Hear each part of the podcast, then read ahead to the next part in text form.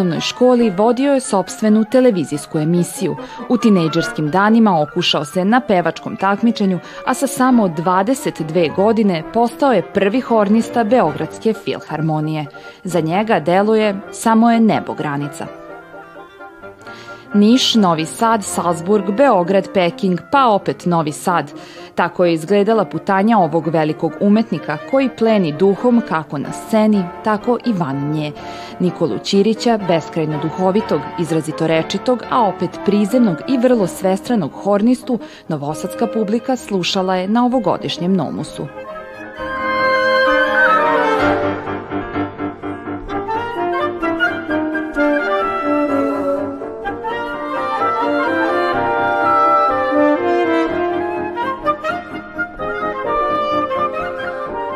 Odgovornost kako za sebe, tako i za grupu.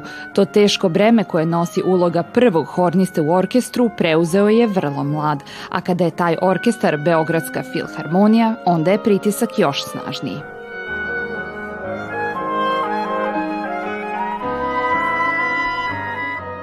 Kako je izgledao taj put ka tome, kako si se uopšte osjećao i o čemu si razmišljao u trenutku kada si saznao da ćeš baš ti preuzeti tu vrlo značajnu ulogu? To je jedan moment koji je u suštini dosta stvari promenio u mom životu. Desio se paralelno sa upisivanjem postdiplomskih studija u Salzburgu i bilo je neophodno tada napraviti nekakvu životnu organizaciju tako da može da se postigne jedno i drugo. Sedeti na poziciji prve horne je uvek dosta teško, ne samo u nedelji u kojoj se svira, već u nedelji koje prethodi, jer morate da se spremate. E, prvi hornista brine i o svojoj grupi, ne samo o sebi i to su onda sve neke, neke stvari koje, koje vode jedna u drugu. A sam osjećaj je bio neverovatan. Mislim, e, postati solo hornista nacionalnog orkestra je u svakoj zemlji velika stvar. I činjenica da je prvi koncert kada sam postao solo hornista Beogradske filharmonije bio Malerova prva simfonija sa Zubin Mehtom je za mene bila ostvarenje svakog mogućeg sna. Tako da taj, taj neki period koji se dešavao čini mi se 2014. 2015. godine u mnogome trasirao moj, moj put koji se čini mi se i dalje trasira nekim svojim, svojim tokom i svojim putem, ali je taj osjećaj ponosa zapravo ono što je, što je dominantno, mislim, u celoj toj priči sa Beogradskom filharmonijom, da. Sad si spomenuo Zubina Mehtu, jesi uspeo sa njim da ostvariš neki kontakt, kako je izgledala ta saradnja to sa jednim čovekom koji je obeležio jednu, jednu epohu mm -hmm. u svom domenu. I dalje obeležava, Tako da. Je. E, on je jedan od mojih e, učitelja bez reči, zato što kada radite sa tako velikim ljudima, vidite zapravo koliko su oni jednostavni. Svaka komplikacija u razgovoru sa nekim čovekom uvek govori o tome da on ima neki svoj lični problem ili nesigurnost koja se krije iza toga a Zubin Mehta kao jednostavno čarobnjak muzički nema nikakvih nejasnoća. Njemu je sve jasno u poslu kojim se bavi i sa njim je toliko lako razgovarati kao kad biste otišli u Belu Palanku da razgovarate sa mojim dekom, na primjer. I njemu je toliko lako prići i toliko ga je lako pitati da čovek uopšte nema neki moment blokade da priđe tako nekom velikanu. Naprimjer, imao sam veliku sreću, sarađivao sam stvarno sa velikim ljudima klasične muzike, sa Kšištofom Pendereckim i tako sa nekim ljudima koji su, mogu da kažem, sada već na stranicama istorija, istorije muzike i e, oni su donekle meni pokazali e, neverbalno kakav ja treba da postanem ako hoću da se nađem u makar sličnom društvu. I kakav treba da postaneš? Šta si zaključio? Razlika između tada i sada je sam, samo je trebalo možda da sklonim neke elitističke plašteve sa sebe i da budem to što sam, čini mi se, zapravo od uvek i bio i jesam.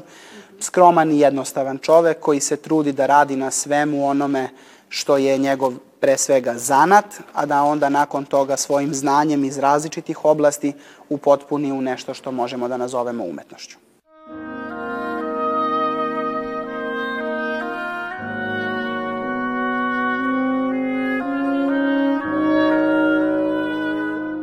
Nakon studija na Akademiji umetnosti u Novom Sadu u klasi profesora Nenada Vasića, Nikola upisuje postdiplomske studije na prestižnom univerzitetu Mozarteum u Salzburgu, u klasi renomiranog horniste Radovana Vlatkovića, muzičara kojeg smatraju najboljim izvođačem na horni ikada, Nikola je učio najskrivenije tajne koje se kriju iza cevi duge skoro 6 metara.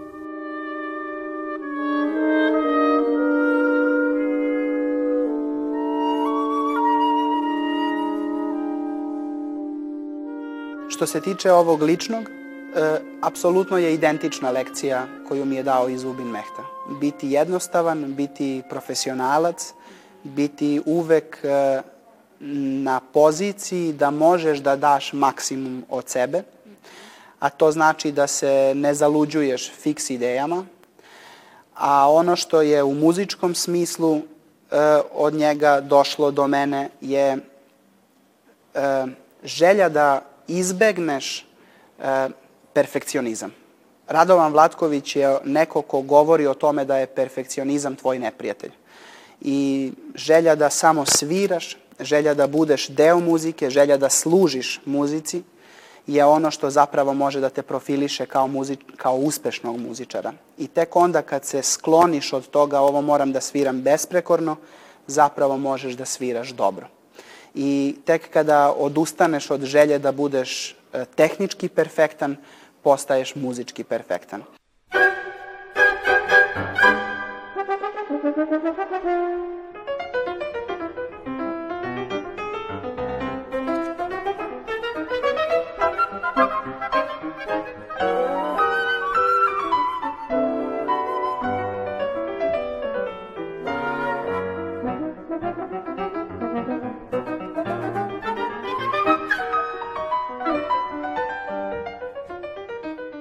Jedan od časova sa njim bio je kad sam svirao Weberov koncertino i ima težak jedan pasaž koji je tako težak svakome. I ja se tu borim, nešto se mačujem sam sa sobom.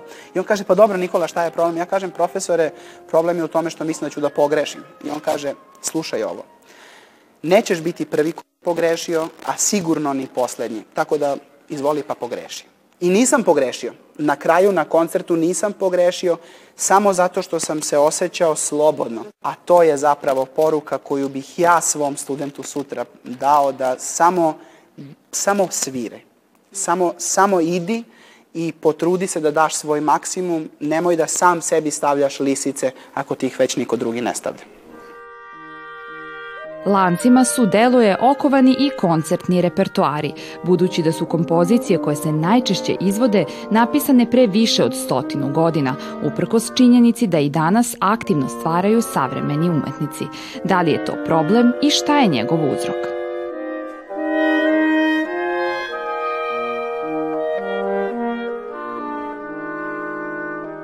Klasična muzika ne sme da postane muzejski, mu, muzejski eksponat.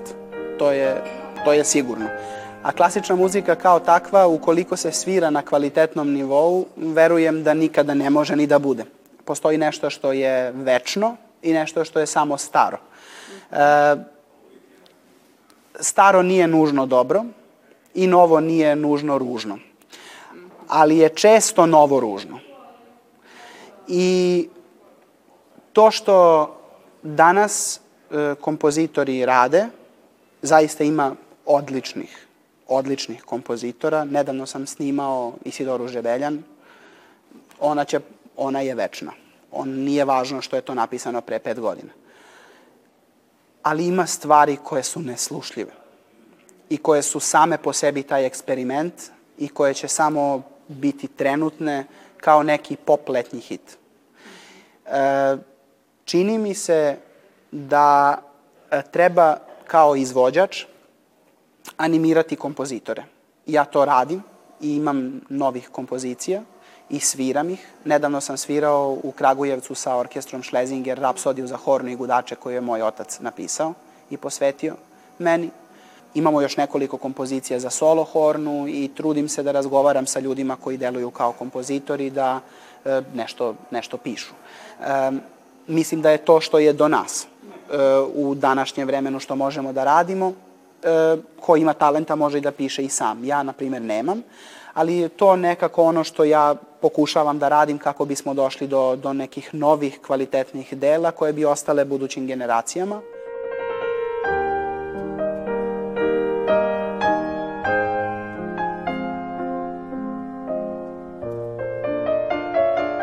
Čini mi se, ne bih da budem e, prek i grub, ali čini mi se da ljudi ne shvataju ovaj posao i kao biznis. E, a neophodno je shvatiti klasičnu muziku i kao biznis, jer na, na zapadu tako to i razumeju. I taj neki moment, ukoliko postoji, onda verujem da može da se nađe da bude dobro i za publiku, a i za izvođače, a i za samu, samu umetnost. Tako da to je negde nešto što bi bilo moj odgovor, da ono što je večno treba ostaviti da sija istim sjajem kojim sija, a da ono što je novo prihvatimo obe ručke, isfiltriramo i vidimo šta može da ostane da prosija.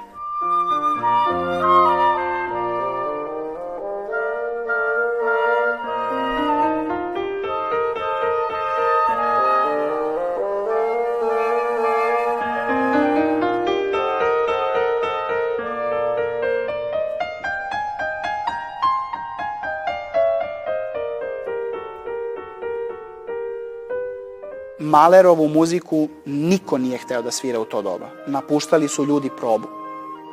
Nisu želeli da sviraju tako tešku muziku. Kao što ni ja danas ne želim da sviram neku mnogo tešku muziku. Svirali smo jednog kompozitora u Beogradskoj filharmoniji, verujem da je, da je ljudima e, koji se time bavi poznato, H.K. Gruber. Njega smatraju predstavnikom treće bečke škole i svirali smo njegovu kompoziciju koja se zove Frankenstein. To je odlična muzika. To je muzika koja je slušljiva. Sad imam recimo kolege koji su se specijalizuju za modernu muziku i koji ozbiljno rade na tome recimo i imamo različito mišljenje. Oni su ljudi koji smatraju da e, nije nužno da bude lepo da bi bilo dobro. I ja se slažem, do nekle. Ali, rekli bi Britanci, nije moja šolja čaja. Samo toliko. I ja sam zaista neko ko voli da muzika bude lepa, to mi je zaista mnogo važno.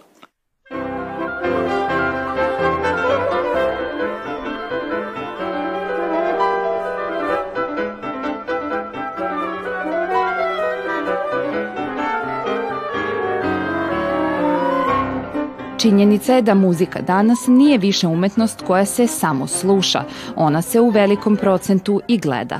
Veliki uticaj na uspeh današnjih zvezda imaju upravo društvene mreže, koje su postale najkraći i najbrži put do ušiju i očiju ljudi iz čitavog sveta. Bez dobrog marketinga nema ni velikih umetnika. Da li je to olakšavajuća ili otežavajuća okolnost?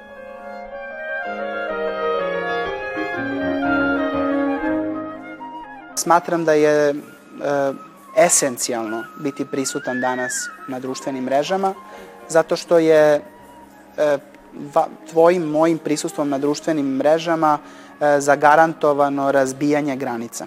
E, meni je sve jedno e, gde se nalazi moj potencijalni online student ili potencijalni slušalac mojih videa na Instagramu, e, bez obzira što sam ja, na primjer, u Novom Sadu.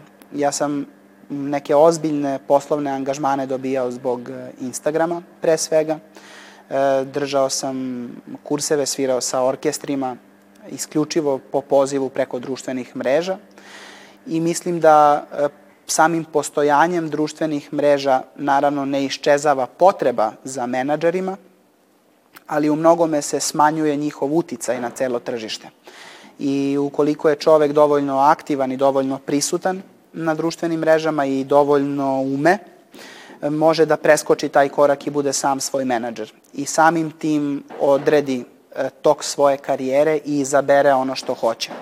Jer često e, sa menadžerskim kućama i agentima nema mnogo prostora da se bira.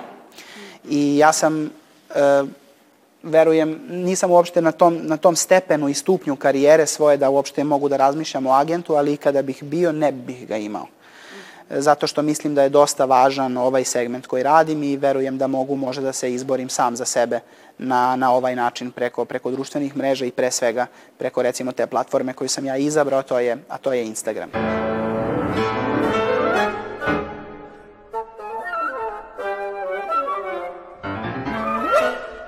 Godine 2019. obreo se u Kini, tačnije u Pekingu gde je radio kao strani ekspert na tamošnjem konzervatorijumu. U orkestru koji su sačinjavali muzičari iz čitavog sveta svirao je prvu hornu.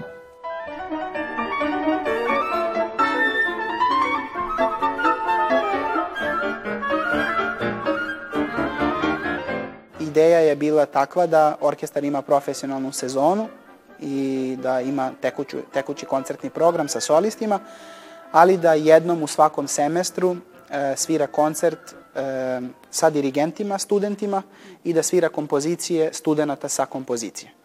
Tako da je to bila jedna divno zamišljena ideja i mogla da se napravi strašno dobra priča, međutim ova korona je uništila sve pa i to. Oni dalje rade, ljudi postoje, ali svi stranci su napustili, nažalost, taj orkestar i mislim da je ostao samo kolega na, na fagotu, a svi drugi su se pomerili ili se vratili.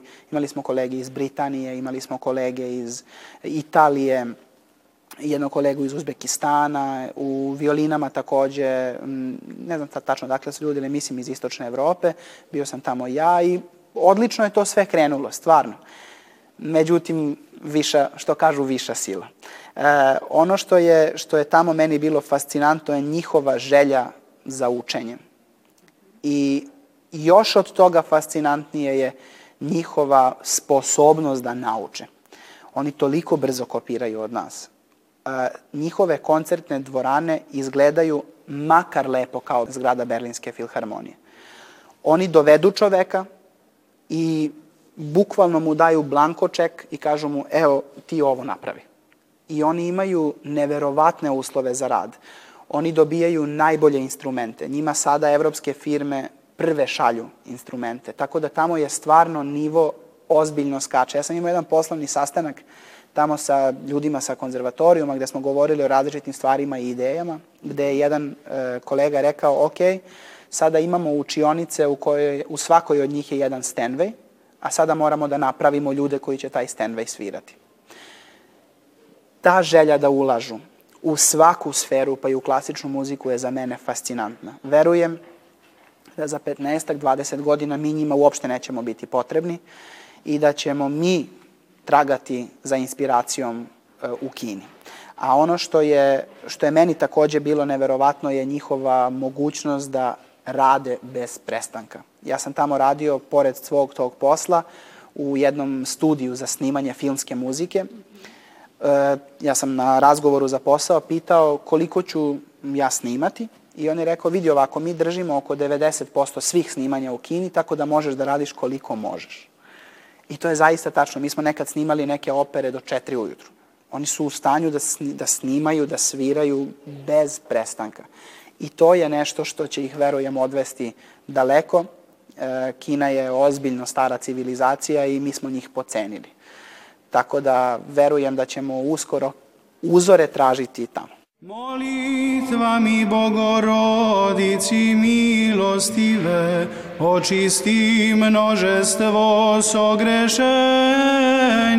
naši. Iako se boja to na njegove horne ozbiljno približila boji Radovana Vlatkovića, ono u čemu definitivno prednjači jeste boja njegovog glasa tvojih očisti bezakonija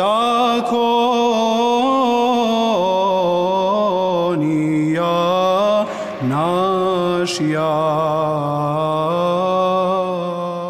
Jako volim da pevam i smatram da je strašno važno povezivati sviranje sa pevanjem i mislim da onaj ko ne razmišlja o pevanju dok svira ne može da ima frazu kakvu bi voleo i smatram da nijedan profesor ne može čoveku da objasni frazu kao što može ljudski glas. Tako da je negovati pevanje izuzetno važno i sad svaku šalu na stranu ja se trudim da na svim svojim kursevima sa svojim studentima radim ozbiljno na pevanju. E, mislim da se skida jedna barijera i mislim da ukoliko čovek e, ume sa svojim glasom, lako može to da prenese na, na, svoj, na svoj instrument. I mislim da e, se ne vodi dovoljno računa o tome u, kada se obrazuju instrumentalisti smatram da je potrebno mnogo veću pažnju posvetiti tome, e, ne solfeđu nužno, već vokalnoj tehnici. E, već vokalnoj tehnici i to prebacivanje ideje sa glasa na, na instrument.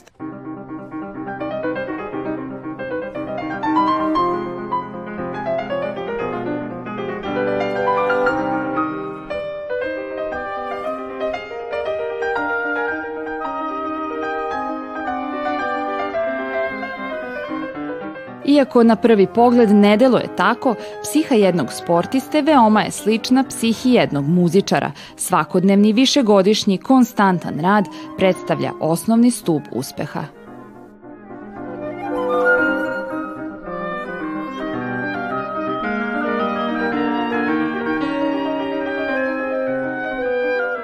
Odakle si nalazio tu inspiraciju, motivaciju, volju, želju, snagu, da i onda kada ti je dosta i muzike i kurne i svega, mm. kažeš ono, ne moram sad da sednem i da vežbam i da igram dalje. Da. E, I ozbiljno pitanje. I odgovor je ne, mislim nepotpun, zato što se sigurno negde u moje podsvesti krije nešto što ni sam ne znam. Ali kao klinac, to sam hiljadu puta rekao i na televiziji i svuda, ali kao klinac sam u Niškoj muzičkoj školi vežbao i maštao o tome da i trudio se da se pomerim u neku zvučniju sobu i trudio se da mi ton bude makar nalik na, na, na ton Radovana Vlatkovića. I njega sam video uvek kao neku svoju zvezdu, vodilju, kuda želim da stignem. E, njegov način sviranja je za mene od uvek bio nešto čemu sam težio. Pa sam onda kad sam malo ozbiljnije krenuo da se bavim muzikom, e, noću uvek puštao tiho na zvučniku njegove snimke Mozartovih koncerata, misleći da ću ujutru imati neku drugačiju ideju za sviranje. Ne znam. Ne, e, ne znam, znam samo da e, je moje sviranje dosta sada jednostavno, i da uopšte nema nikakvih stega, a on me je puno tome, tome učio. I onda kada sam kod njega konačno došao i kada sam ostvario stvarno taj san koji neko u nekom mom dnevniku iz 2012. godine stoji, kada sam postao njegov student, e, video sam zapravo da je to ono čemu je trebalo da težim i čemu sam težio i do, do čega naravno niko od nas neće nikad stići jer taj čovek je vanzemaljac. Uh, ali motiv kao motiv, kao neke reči koje me pokreću, trenutno nemam. Možda sam imao, vadio iz knjiga i nešto, ali trenutni motiv koji imam je da nekome ko dolazi posle mene um, ostavim ideju o tome da je moguće. Zato što se često u ovoj zemlji um, neke stvari ni podaštavaju ili se gledaju nekim drugačijim očima, a mislim da dolazi i došlo je vreme da možemo da u Srbiji stvaramo klasičnu muziku na nivou na kom se to radi u Nemačkoj, samo ukoliko imamo dovoljno veliku želju.